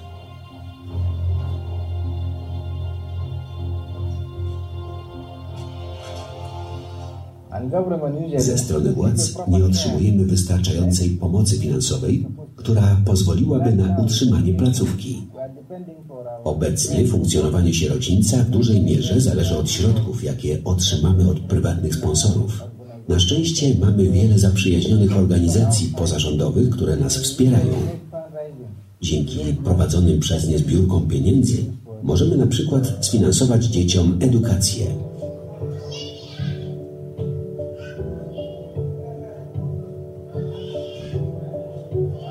W ośrodku mamy wiele zajęć dla dzieci. Nasi podopieczni mogą uczęszczać na kółko teatralne, grać w piłkę nożną czy siatkówkę. Najmłodszymi zajmują się specjalne matki zastępcze. Ja kończę moją pracę o 19 i idę do domu. A one codziennie zostają w ośrodku i przez całą noc opiekują się dziećmi. Chłopcy i dziewczynki z naszego sierocińca po prostu nie mają dokąd pójść. Tak naprawdę oprócz nas nikt o nie nie dba. Nawet jeżeli pozostała im jakaś rodzina, to najczęściej nie czuje się ona odpowiedzialna za dzieci zmarłego brata lub innych nieżyjących krewnych. Często zdarza się, że młodzież zostaje w naszym ośrodku nawet po ukończeniu 18 roku życia. Wiele dzieci trafia do nas prosto z ulicy. Są przywożone przez policjantów, którzy znajdują je porzucone i samotne gdzieś w mieście.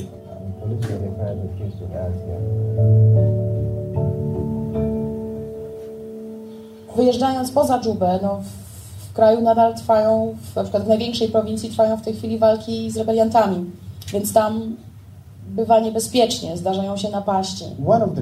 Wiele miejsc jest wciąż bardzo niebezpiecznych. Na przykład w okolicach miasta Dżangolej co jakiś czas wybuchają krwawe walki plemienne.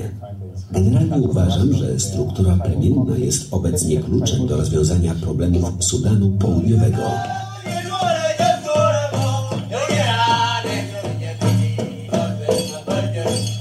Trzeba pamiętać o tym, że Sudan Południowy to jest państwo, w którym mieszka kilkadziesiąt grup etnicznych, mówi się w kilkudziesięciu językach. I problemy czy swary etniczne, które mają jeszcze podłoże podczas wojny, ponieważ niektóre grupy e, były na przykład wspierane przez Hartum, niektóre walczyły przeciwko.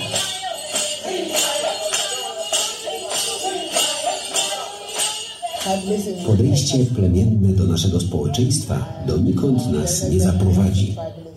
Nie widzę żadnych korzyści z takiego rozwiązania. Takie podejście dezintegruje młody naród i spowalnia rozwój. Musimy odejść od plemiennej struktury społecznej. Nie przynosi ona nikomu żadnych wymiernych korzyści.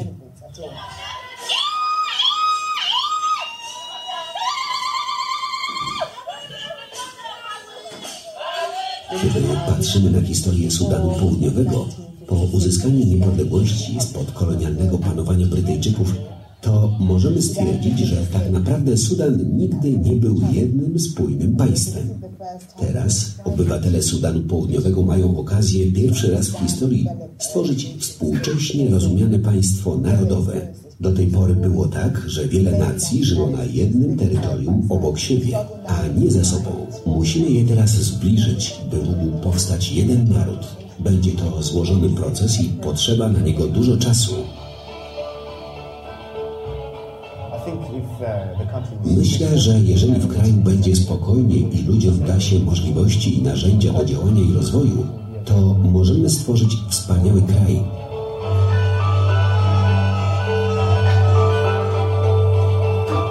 Trudno powiedzieć, żeby kraj osiągnął świetlaną przyszłość. Okej, może zdarzy się jakiś cud. I chciałabym bardzo w taki cud uwierzyć, ale z tego, co widzę w tej chwili, ta sytuacja nie wygląda najlepiej. Na pewno w 2015 roku będą wybory. Jeżeli ten rząd w takim składzie, jakim jest do tych wyborów, dotrwa, to przyszłość kraju będzie znana bliżej i będzie można więcej przewidzieć, ale teraz naprawdę nie wygląda to wesoło.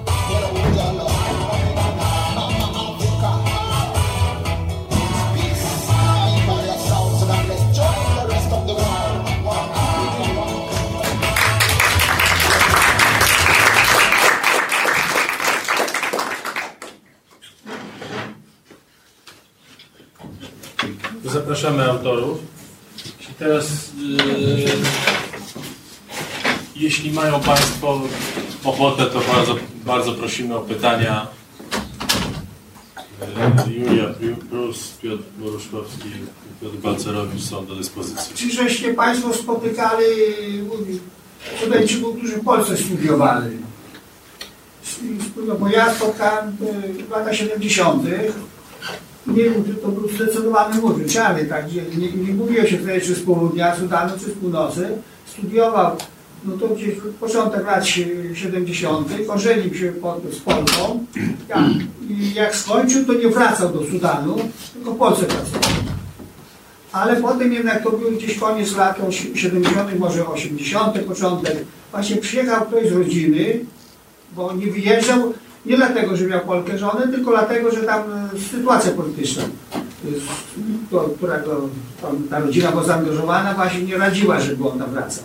Ale potem po latach jednak przy, przyjechał ktoś z rodziny i on zdecydował się wyjechać sam rodziną. Miał dzieci tutaj już, które chodziły do szkoły, także to gdzieś trwał jego tu pobyt w Polsce ponad 10 lat, około 10 lat. To- Ale to było właśnie już koniec lat, koniec lat 70., początek 80. Spotkałaś kogoś? Oczywiście, tak, tak, tak. Ja spotkałam na przykład I czy oni, czy to była duża grupa, to ja nie wiem właśnie w Polsce i czy oni tam jakieś y, mają teraz, y, spełniają jakąś Nie, nie, nie ma jakiejś takiej diaspory, która studiowała w Polsce i się łączy, nie, aż tak wielu ich nie ma. Ja poznałam jednego południowego Sudańczyka, który pracuje w Ministerstwie Sprawiedliwości. Perfekcyjnie mówi po polsku, jakież było moje zdziwienie. Jak słyszał, dzień dobry. I po prostu, halo. E, więc tak, to się zdarza. Zdarzają się również inne polskie akcenty, bo na przykład wielu generałów e, bywało w Moskwie albo w Niemczech Wschodnich, ponieważ wiadomo, SPLA zanim e, upadł mur berliński, było również sponsorowane przez ZSRR i bardzo wielu generałów jeździło sobie do Rosji na przykład na szkolenia, więc zdarzyło mi się parę razy na przykład, a skąd ty jesteś? A z Polski. O, to ja z Polski, to ja znam tam Staśka. Jakiego Staśka? A no Stasiek, był taki pułkownik Stasiek. A ja mówię, no naprawdę, to powiedz, proszę mi powiedzieć o tym coś więcej. A nie, nie, ja, ja nie mogę, ja nie mogę, bo my później to przeszliśmy na drugą stronę, to już nie mogę mówić o tym, że byłem w Moskwie. I rzeczywiście jest po prostu kurtyna milczenia. ponieważ grupa rebeliancka, która przeszła no, z jednej strony na drugą którymś momencie, ale tak, zdarzają się Polacy, też są ludzie, którzy wiedzą o Polsce. To jednak ten rząd w Chartumie poprzedni był popierany przez, jednak przez Moskwę, Związek Radziecki. Nie, nie, nie, to nie było tak, ponieważ najpierw w ogóle, zanim przyszedł prezydent Bashir, to y, rząd Nimeriego był popierany przez Amerykanów, żeby to jeszcze sytuację skomplikować. Potem, kiedy rebeliantka powstała, była wspierana przez bardzo wielu południowych Sudańczyków, wyjechało na Kubę.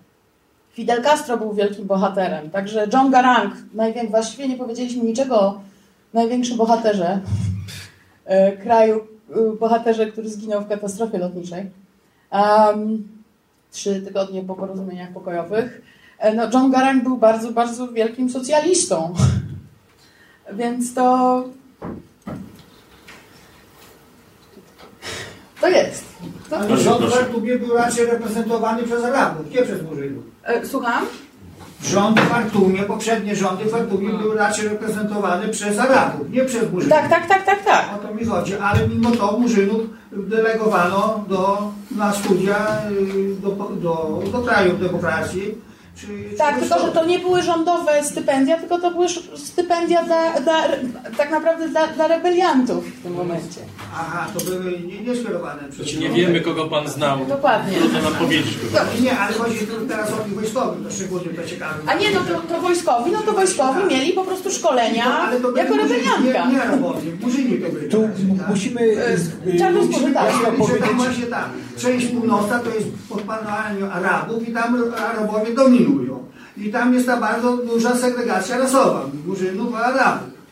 Także mi chodzi o to właśnie, czy... czy Tak, i ci wojskowi, o których mówimy, to byli wojskowi związani z południem, czyli tym czarnym południem, tym czarnym, Tak. y, czyli obecnie Sudanem Południowym. To nie byli y, wojskowi związani y, z armią Sudanu jako takiego.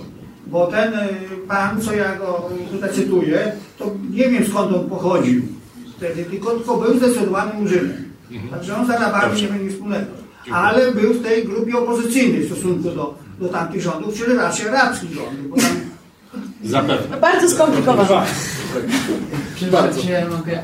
Ja chciałem prosić o kilka słów na temat sytuacji również u sąsiada, bo to wpływa bardzo na sytuację Sudanu Południowego. Wiadomo, że zarówno jest partyzantka po stronie, czy jakieś rozruchy po stronie Sudanu Północnego, czy Sudanu, jak i w Sudanie Południowym i często są oskarżenia, że rządy różnych państw wspierają niepokoje u swojego sąsiada. E, Jak to wygląda z Państwa e, wiadomości, jak Państwo tam byli? I druga sprawa, co jest e, z, e, z tym słynnym transportem, którym tutaj mowa o wstrzymaniu, e, to jest jedyny chyba rurociąg, jedyny sposób takiego dłuższego transportu tej ropy, która jest głównym bogactwem, czy główną podstawą, pod- jak było mówione, tworzenia dochodu narodowego. Czy oba kraje doszły do jakiegoś porozumienia, czy nie, czy w jaki sposób one są Oba kraje doszły do porozumienia. To może zacznę od tego, bo, bo to jakby to doszły i od razu kilka miesięcy później, no to dzisiaj mamy efekt tego taki, ponieważ jakby puenta filmu jeszcze jest taka, że kilka... Puenta się zdarzyła wczoraj chyba, E, tak? Puenta się zdarzyła wczoraj, ponieważ w międzyczasie został zmieniony cały rząd. E, Wczoraj wyjechały czołgi na ulicę w Dżubie. E, No, pieniądze z ropy płyną nadal, jednak prezydent stara się jednak utrzymać władzę. E, No i to jest niestety też to, że popłynęły pieniądze z ropy i też dzięki temu są pieniądze na, na wojnę. Też tak może być. Nie będę tutaj prorokować, ale, ale, ale tak to trochę też wygląda. Znaczy ja tak powiem, mm, jak rozmawiałem z Sudańczykami, a ja mam troszeczkę inne spojrzenie, bo Julia tam jest od prawie trzech lat, a ja tam byłem przez no powiedzmy trzy tygodnie i mam inne spojrzenie na całą sytuację. Myślę, że bardziej e, ob- obiektywne. e, w tym sensie, że, że no nie mam tam przyjaciół takich długo, długo, których znam długo. Natomiast oni są strasznie optymistyczni, byli optymistycznie nastawieni naprawdę oni wierzą w to, że, że naród może zaistnieć jako jeden naród, Ale z drugiej strony też czasami patrzyłem na nich i oni tak mówili to i chcieli, chcieli żeby tak było. I z drugiej strony, jak patrzyłem na e, to, co my sobie żeśmy zakładali w naszym projekcie, to, to było nam generalnie bardzo, bardzo, e, bardzo ciężko te dwa elementy e, połączyć, bo z jednej strony no, robimy projekt, a później się zdarza taka sytuacja jak teraz. I mógł ktoś powiedzieć, to po co my go robimy, tak? skoro to niczemu nie służy. Wydaje mi się, że to będzie proces. To, to jest jakby klucz do tej całej, że to musi być proces. Oni by chcieli już, dwa, dwa lata i już by wszystko chcieli. A ja im mówię w czasie rozmowy, słuchajcie, to będą nie tygodnie, nie miesiące, to będą lata i to będą dziesiątki lat, kiedy wy będziecie to wszystko budować. I że te nasze projekty, nawiązując, one też mają, nie, że dzisiaj oni będą dobrymi dziennikarzami, tylko tak jak Piotr mówił, żeby oni w ciągu najbliższych lat kierowali tą rzeczywistość, pomagali. Telewizja jest katastrofalna, powiem Państwu od razu. Tak, SSTV. Czegoś tak złego, tak, SSTV. to SSTV to nie jest żart, tak się Więc, nazywa kanał e. Ta praca to jest praca u podstaw. I jak rozmawiałem na przykład z Piotrem na Uniwersytecie w Dżubie, gdzie w odróżnieniu na przykład od Birmy jest uniwersytet, gdzie jest Wydział Dziennikarstwa, bo w Birmie nie ma, no to Piotr ustaliliśmy, że to jest poziom, że ich poziom wykładowców uniwersyteckich to jest poziom naszego Gimnazjum. gimnazjum. Państwo sobie wyobrażą, ludzie, którzy uczą studentów są na poziomie naszego gimnazjum. To jakby pokazuje, dlaczego po prostu warto im pomagać. No i jeszcze uczyli Bo- się dziennikarstwa w Hartumie. to- I To też. wykładali to dziennikarstwo w Hartumie, gdzie jakby podejście do dziennikarstwa na północy jest już w ogóle zupełnie odrębną sprawą. Ten kraj y, rzeczywiście wymaga wsparcia takiego rozsądnego, rozumnego, bo z jednej strony tam nic nie ma. To jest kraj y, w pewnym sensie pasożytujący na zewnętrznej pomocy. Y, Kraj, który nic nie produkuje, natomiast kraj pełen nadziei i oczekiwań, a jednocześnie ma potencjał. Ludzie chcą coś zrobić, ale nie mają kwalifikacji. Więc w takich sytuacjach jak najbardziej trzeba pomagać w sposób rozumny, dając im te kwalifikacje, jednocześnie pokazując im, jakie problemy y, ich czekają w przyszłości, y, że pewnych zdarzeń nie da się przyspieszyć, y, muszą być odpowiedzialni, muszą działać odpowiedzialnie i rzeczywiście budować to, co tutaj się słyszy, tę ideę pewnej wspólnej tożsamości. To jest kraj będący zupełnie przypadkowym zlepkiem, tak jak większość krajów w Afryce. To są zlepki y, bardzo różnych tożsamości etnicznych, językowych. I tak samo jest z Sudanem Południowym. Tam nie ma właściwie nic, co by łączyło te różne grupy plemienne i etniczne, z wyjątkiem tego, że oni pow- powstawali w opozycji do Arabów, których ich, którzy ich źle traktowali. Y, I to jest główny wątek, który ich łączy. Y, Natomiast podział potrafi jest bardzo, dzielić. ale potrafi dzielić, bo dwa główne, dwie główne grupy etniczne, Dinkowie i Nuerowie, konkurują z sobą. Mają odrębne y, grupy zbrojne, armie. Y, Są jeszcze inne grupy pomniejsze, które są dobrze uzbrojone, ale zupełnie niewykształcone. Y, Są przedmiotem ogólnej pogardy, tak jak Mursi. Murle. Przepraszam, y, y, Mursi gdzie indziej, tak, Murle. Tak, ja o, o, o Murle, o, o, to są ci Murle, o których mówiłem przed chwilą, przed filmem. I to ta idea pewnej wspólnej tożsamości, która się ciągle pojawia, jest bardzo ważna, ale z drugiej strony nikt nie zadaje sobie pytania, co za tą ideą stoi. Poza tym pustym hasłem, że teraz jesteśmy nowym narodem i jesteśmy obywatelami pierwszej kategorii w naszym państwie. Ale co z tego wynika? Czy wynika z tego jakaś odpowiedzialność? To jest podstawowe pytanie i tu jest właśnie rola i dla wykładowców uniwersyteckich, i dla dziennikarzy. Czy można mieć pytanie? Czy Państwo uważają, że mm, dziennikarz to jest najważniejsza rzecz, której ci ludzie potrzebują?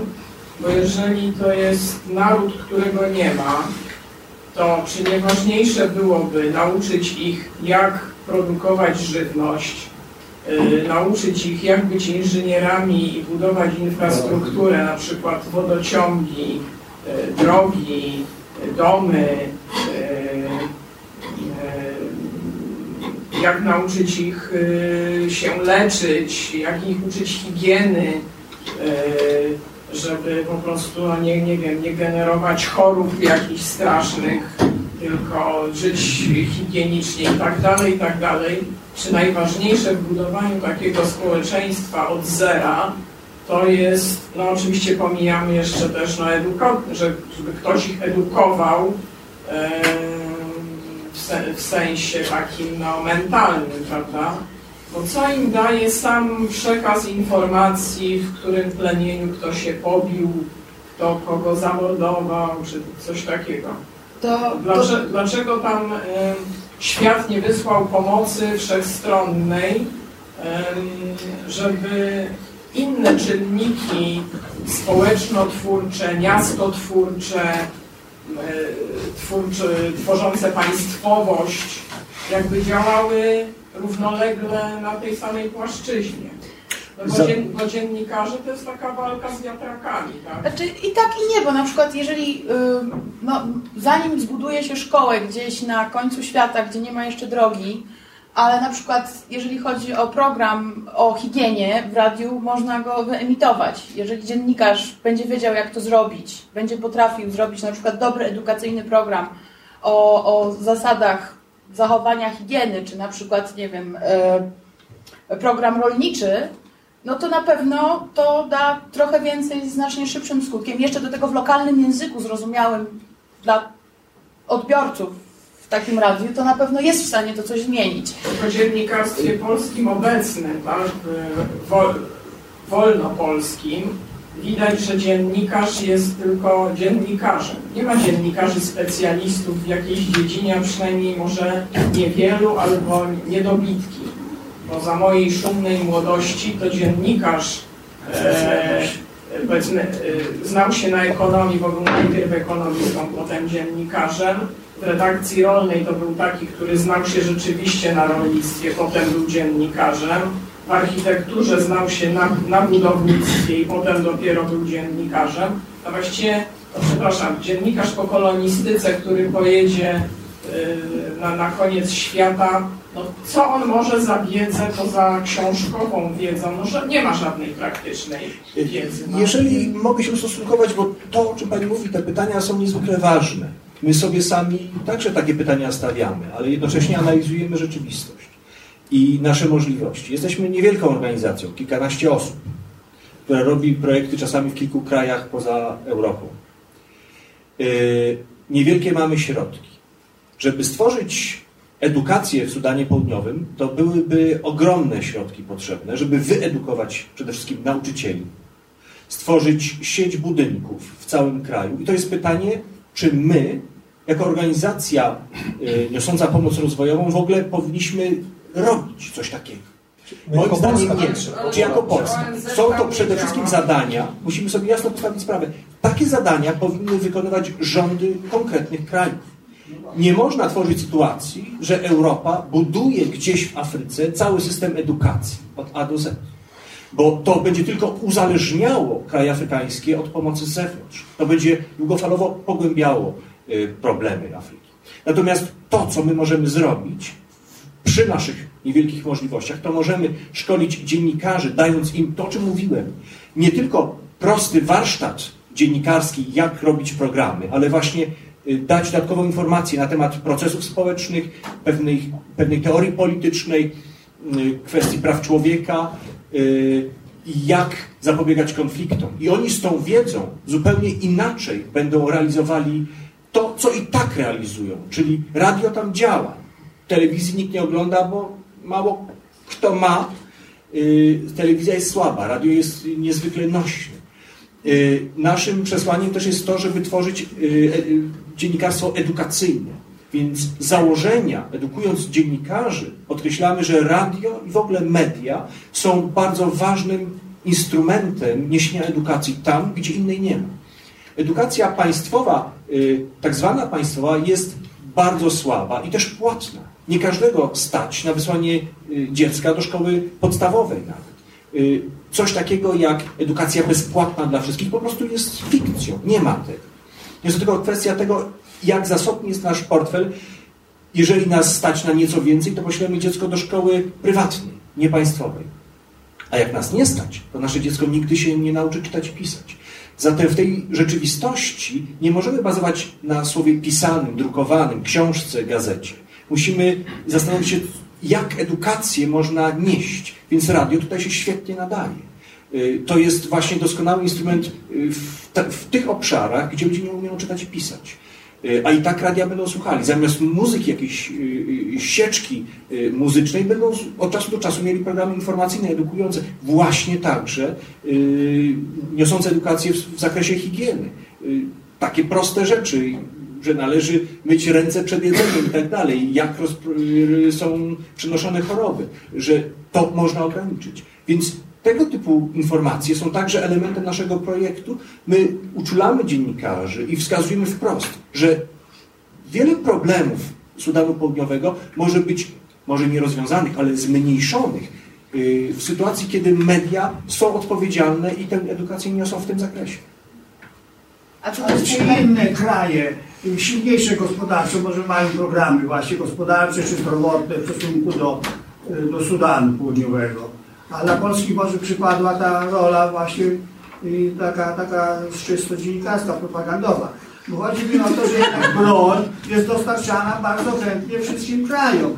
Rwanda dostała od Chin prawie milion maczek za bezcen prawie do, i potem te mordy się Ukraina zaczęły. wysyła w tej chwili Także, do Sudanu y, Antonowe na Nie, przykład. nie, nie, ale także broń jest wszędzie bardzo dostarczana do wszystkich krajów, gdzie są rewolucje, także i żadne państwo się nie przyznaje po tym, że dostarczało, że brało za to pieniądze, czy bezpłatnie, jak gdzieś tam wyślą jakąś pomoc humanitarną, żywnościową, no to wielkie hurra. A, a, broń drożej kosztuje i do tego się nikt nie przyznaje, a wszystkie te rewolucje są... My broni nam nie sprzedajemy. Jakby broni nie. Propagandą też się nie zajmujemy. Właśnie, bo pan powiedział propaganda, ale e, po pierwsze wydaje mi się, że mm, to, że ktoś źle robi inny, to nas nie zwalnia z odpowiedzialności za działanie. To jest po pierwsze. A po drugie, ja chciałbym Państwu przypomnieć, bo większość z Państwa pamięta, jak było w Polsce w 1989 roku, gdzie sytuacja była nieporównywalna. U nas byli ludzie wykształceni, u nas była normalna klasa polityczna, jakaś lepsza lub gorsza, jakaś opozycja e, zróżnicowana. Tam tego wszystkiego nie ma. Ludzie nie potrafią czytać i pisać. I pamiętają Państwo, e, ja tu tam taki przykład, jak powstała Gazeta Wyborcza, przypominam, że ona powstała tylko na czas wyborów. I nagle się okazało, że ludzie byli tak, tak potrzebowali informacji, że ona została aż do dziś. I może to jest najlepszy przykład, że jednak dziennikarstwo e, jest ważne. Ja sam skończyłem dziennikarstwo i wydaje mi się, że e, mamy ogromne pole do popisu i proszę się zastanowić jeszcze nad jedną rzeczą. Co się stanie, jeżeli ci niewykształceni dziennikarze zaczną informować tych ludzi, jak używać tych maczet i tej broni, którą wysyłają inni. Muszę sobie pomyśleć, co by się mogło stać. Więc w tym kontekście edukacja i jakby pokazanie im sposobu patrzenia na świat, pokazywania e, jakby zdania dwóch stron, wydaje mi się, że jest najważniejsze. No Julia, No, tym się to jest zajmowałaś. też no, zajęcia, które robimy też z etyki dziennikarskiej, co się zdarza na przykład bardzo często. E, na przykład no, pierwsze, no to słuchajcie, dziennikarz no, nie ma prawa być w jakiejkolwiek innej organizacji. Kiedyś przychodzi do mnie taki, taki jeden i mówi, ale jak to? To nie może być żadnym innym, żadnej innej organizacji? No nie. No bo ja jestem w SPLM, czyli w tej głównej partii. Ja mówię, no nie, to nie możesz być. Jedynym aktywistą to możesz walczyć tutaj o wolność mediów. Aha, czyli ja nie mogę prowadzić jednego programu jako y, tam sekretarz lokalnego oddziału partii, a drugiego programu czytać newsa. I oni nie wiedzą takich podstawowych rzeczy. I ten chłopak, no dobra, no nie było to dla niego prostym wyborem, ale wybrał.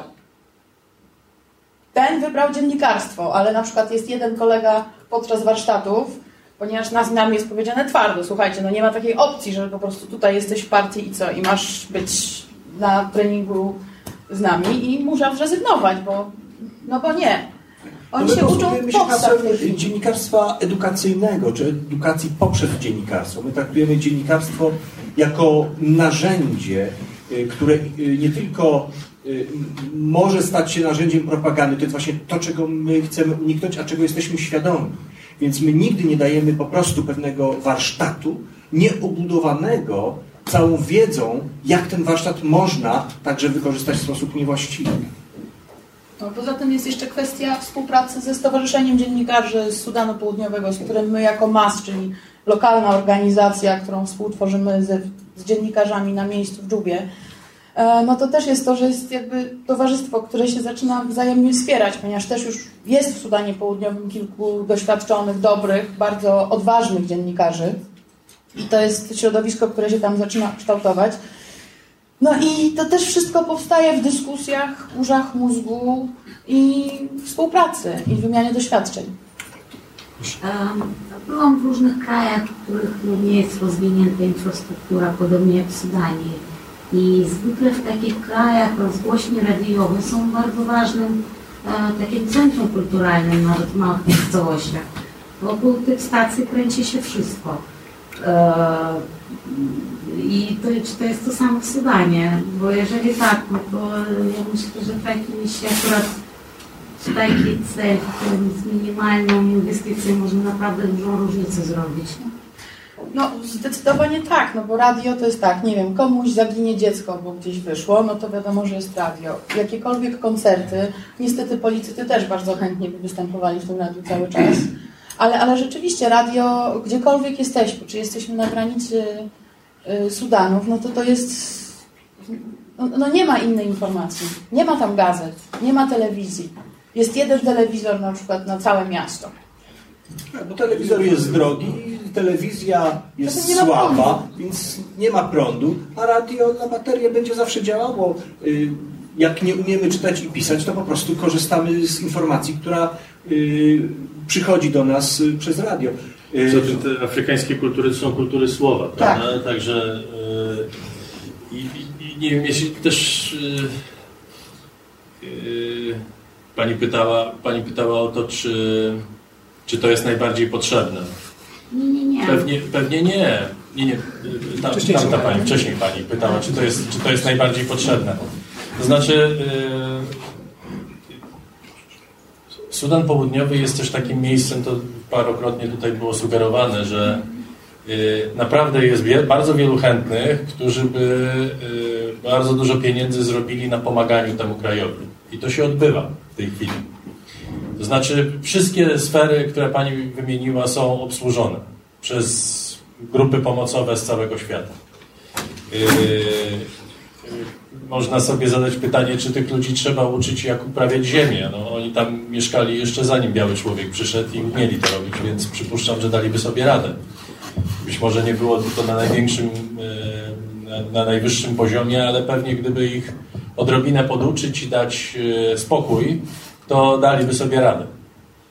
Jeśli chodzi oczywiście o takie rzeczy jak służba zdrowia, to, to jest troszeczkę co innego i pewnie edukacja się właśnie do takich rzeczy y, zalicza. To znaczy, y, no tam jeśli się im nie pomoże mm, właśnie stworzyć systemu edu- edukacyjnego, to on nie powstanie, bo, y, bo to jest jeden, jedna z takich usług, które my, my y, po prostu bierzemy za, za coś absolutnie oczywistego, prawda? I narzekamy, nie wiem, czy na służbę zdrowia, czy na poziom szkół i nam się wydaje, i słusznie nam się wydaje, że mamy prawo, żeby to było na najwyższym poziomie światowym.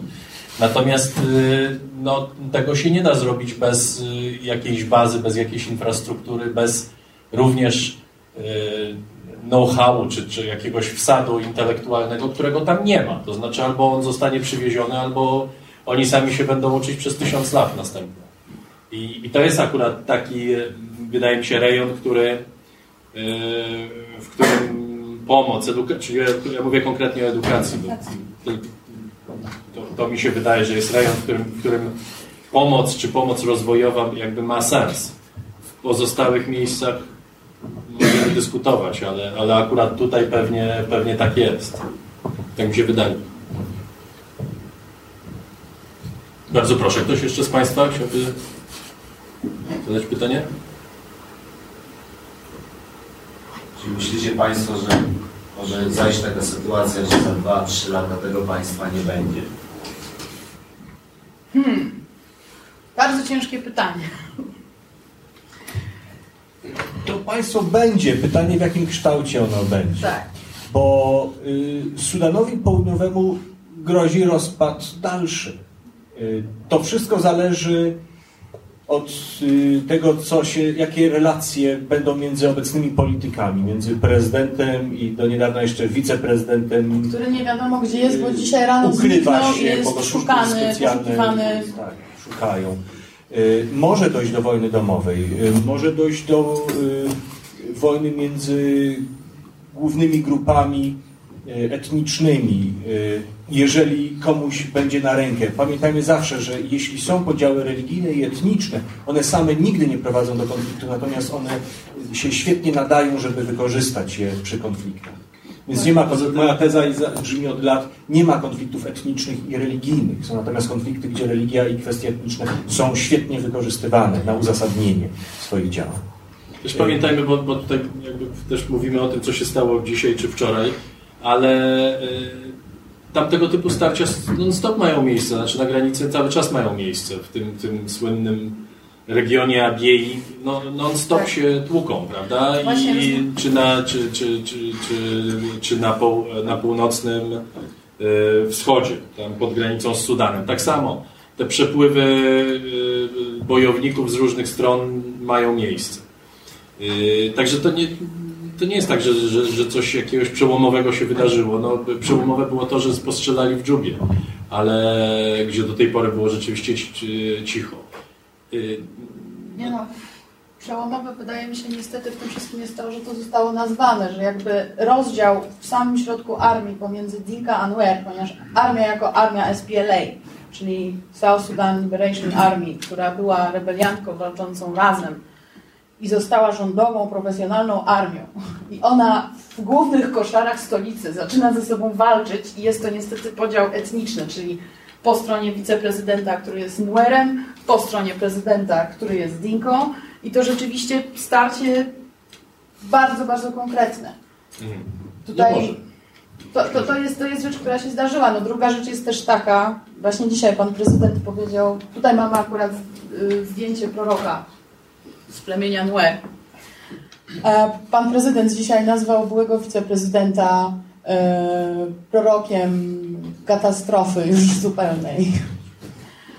Ponieważ rzeczywiście większość Nuerów na przykład wierzy, że jeżeli Nuer, który ma szparę między zębami, jest leworęczny, e, dojdzie, nie dojdzie do władzy, to w tym, kraju nadal będzie panować wojna. Akurat tak się dziwnie składa, że wiceprezydent tego kraju jest właśnie leworęczny i ma szparę między zębami i wszyscy wierzą w proroctwa sprzed 150 lat, które mieszają się z propagandą tak naprawdę polityczną. Tego typu prorocy byli wykorzystywani również przez rebeliantkę podczas wojny, ponieważ nie oszukujmy się, SPLA wcale taka święta jako rebeliantka nie jest, ponieważ walcząc z oddziałami z północy również walczyli między sobą, sami wykorzystywali też swoich ludzi i właśnie no, grywanie prorokiem, kiedy do, doszło do rozpadu jedynej rebeliantki w 91 roku, no to prorok, no tutaj nomen omen, ale występował rozgłośni radiowej, śpiewając proroctwa swoje o tym, że tutaj dzielimy naszą rebeliantkę na pół. To, to, to są takie sytuacje dość nieoczekiwane, ale to się dzieje tam w polityce i o tym się rozmawia na co dzień. Nie wiem, że Czyli krótko mówiąc- pytanie, jeśli można. Chciałem zapytać się e, o, bo wiem, że też e, bardzo wiele, znaczy znaczna ilość ludzi e, przybyła na tereny Sudanu Południowego, Sudanu Północnego. Część z tych os, osób się nie udało, albo nie mają pozwolenia na powrót.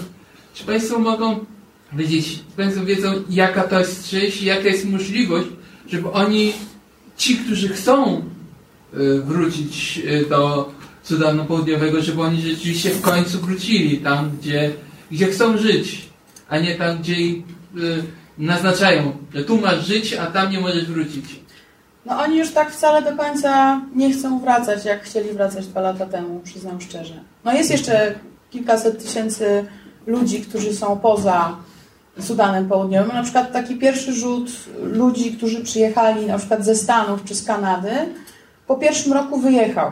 Stwierdzili, że to jest za dużo. Oczywiście są ludzie, którzy zostali i postanowili jednak budować swój kraj od samego początku, ale są ludzie, którzy stwierdzili, że jednak nie. Ci, którzy wracają z północy, no to teraz też były jeszcze niedawno ostatnie transporty ludzi i ci ludzie wracają bardzo często, to jest rozpacz, dlatego że oni, na przykład jeżeli ktoś nie ma rodziny, jeżeli ktoś nie ma swojej ziemi, no to zaczyna wszystko od zera, przy czym z ogromną korupcją. Trzeba tutaj jeszcze dodać, że ludzie, którzy przyjeżdżają z Hartumu i mówią tylko po arabsku, mają problemy językowe, bardzo często są uważani za szpiegów z północy, włożyli tam, więc to, to, to nie jest kolorowe. I teraz już jakby, jeżeli ktoś nie, nie musi wracać, to już na pewno od, od roku jest taka tendencja, że nie wraca. Tak, ale słyszałem, że po prostu niektórzy, niektórym osobom, szczególnie nie, nie, nie, nie muzułmanom, odmawia się obywatelstwa e, Sudanu, czy Republiki Sudanu, Sudanu Północnego, bo mówi, że skoro jesteś chrześcijaninem, to tam jest twój kraj. Ja o takich rzeczach nie słyszałam, przyznam szczerze. Jak wraca do Sudanu Północnego. Do, jeżeli do, do północnego. Tak, tak. To, to Nie, nie, nie, to Nie. nie. z północnego, czy że w Sudanie, tak słyszałem, że w Sudanie Północnym niektórym osobom, które, których krewni albo które pochodziły i nie są muzułmanami, y, utrudnia się bardzo życie w Sudanie Północnym, zmuszając ich do, nie dając im pełną y, obywatelstwa, y, możliwości pracy. Nie, to wszystko- To może się zdarzyć. Wiesz, w tej chwili jest, y, Ale nie, bo jest Karta Siedmiu Wolności. Bo mówimy o Sudanie Północnym, Tak, nie Tak, tak, więc tak. północnym Ja to może mówię, się że zdarzyć. I się wiele osób, y, bo y, taka mm, polityka y, islamizacji, to jest, żeby oczyścić, wyrzucić wszystkich tych, którzy nie są muzułmanami z północy na południe. Żeby ich Te, te, te ruchy na pewno są jakoś tam wspierane. Natomiast w Sudanie Południowym nie ma czegoś takiego. Każdy, kto przyznaje się do Sudanu Południowego jest chętnie witany. Przynajmniej formalnie. W praktyce to jest zupełnie co innego. To właśnie y, ten problem y, bardzo dużej diaspory ze Stanów Zjednoczonych, która wróciła w pierwszym roku istnienia Sudanu Południowego i się głęboko rozczarowała, bo wrócili wykształceni, wykwalifikowani. Okazało się, że oni nie mają żadnej pracy. Yy, że im się utrudnia, że właściwie ten rynek pracy i władzy został od razu, od samego początku przejęty przez yy, wcześniejsze yy, frakcje związane ze SPLA. To jest odrębny jeszcze problem, że mm, ci, którzy byli przywódcami ruchów zbrojnych, partyzantki, oni stali się od razu politykami, a jedyne ich doświadczenie życiowe było związane z walką. Oni nie umieją czytać, nie umieją, pisać, nie mają żadnych kwalifikacji poza tymi związanymi z noszeniem broni i strzelaniem. Y, To jest problem nie tylko Sudanu Południowego, to jest problem bardzo wielu krajów na świecie w, podobnej, zbliżonej sytuacji, że to właśnie ci dawni y, partyzanci zostają politykami, a nie potrafią tego zupełnie robić i to generuje nowe y, problemy. Okej, dziękujemy Państwu bardzo. Bardzo dziękuję.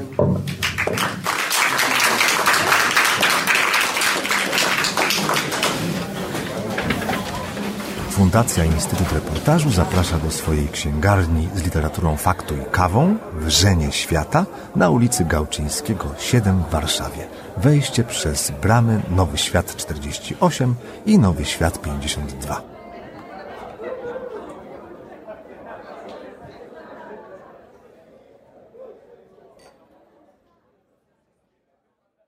Zapraszam do słuchania pozostałych podcastów Wikiradia. Można znaleźć je na stronie podcasty.info ukośnik Wikiradio.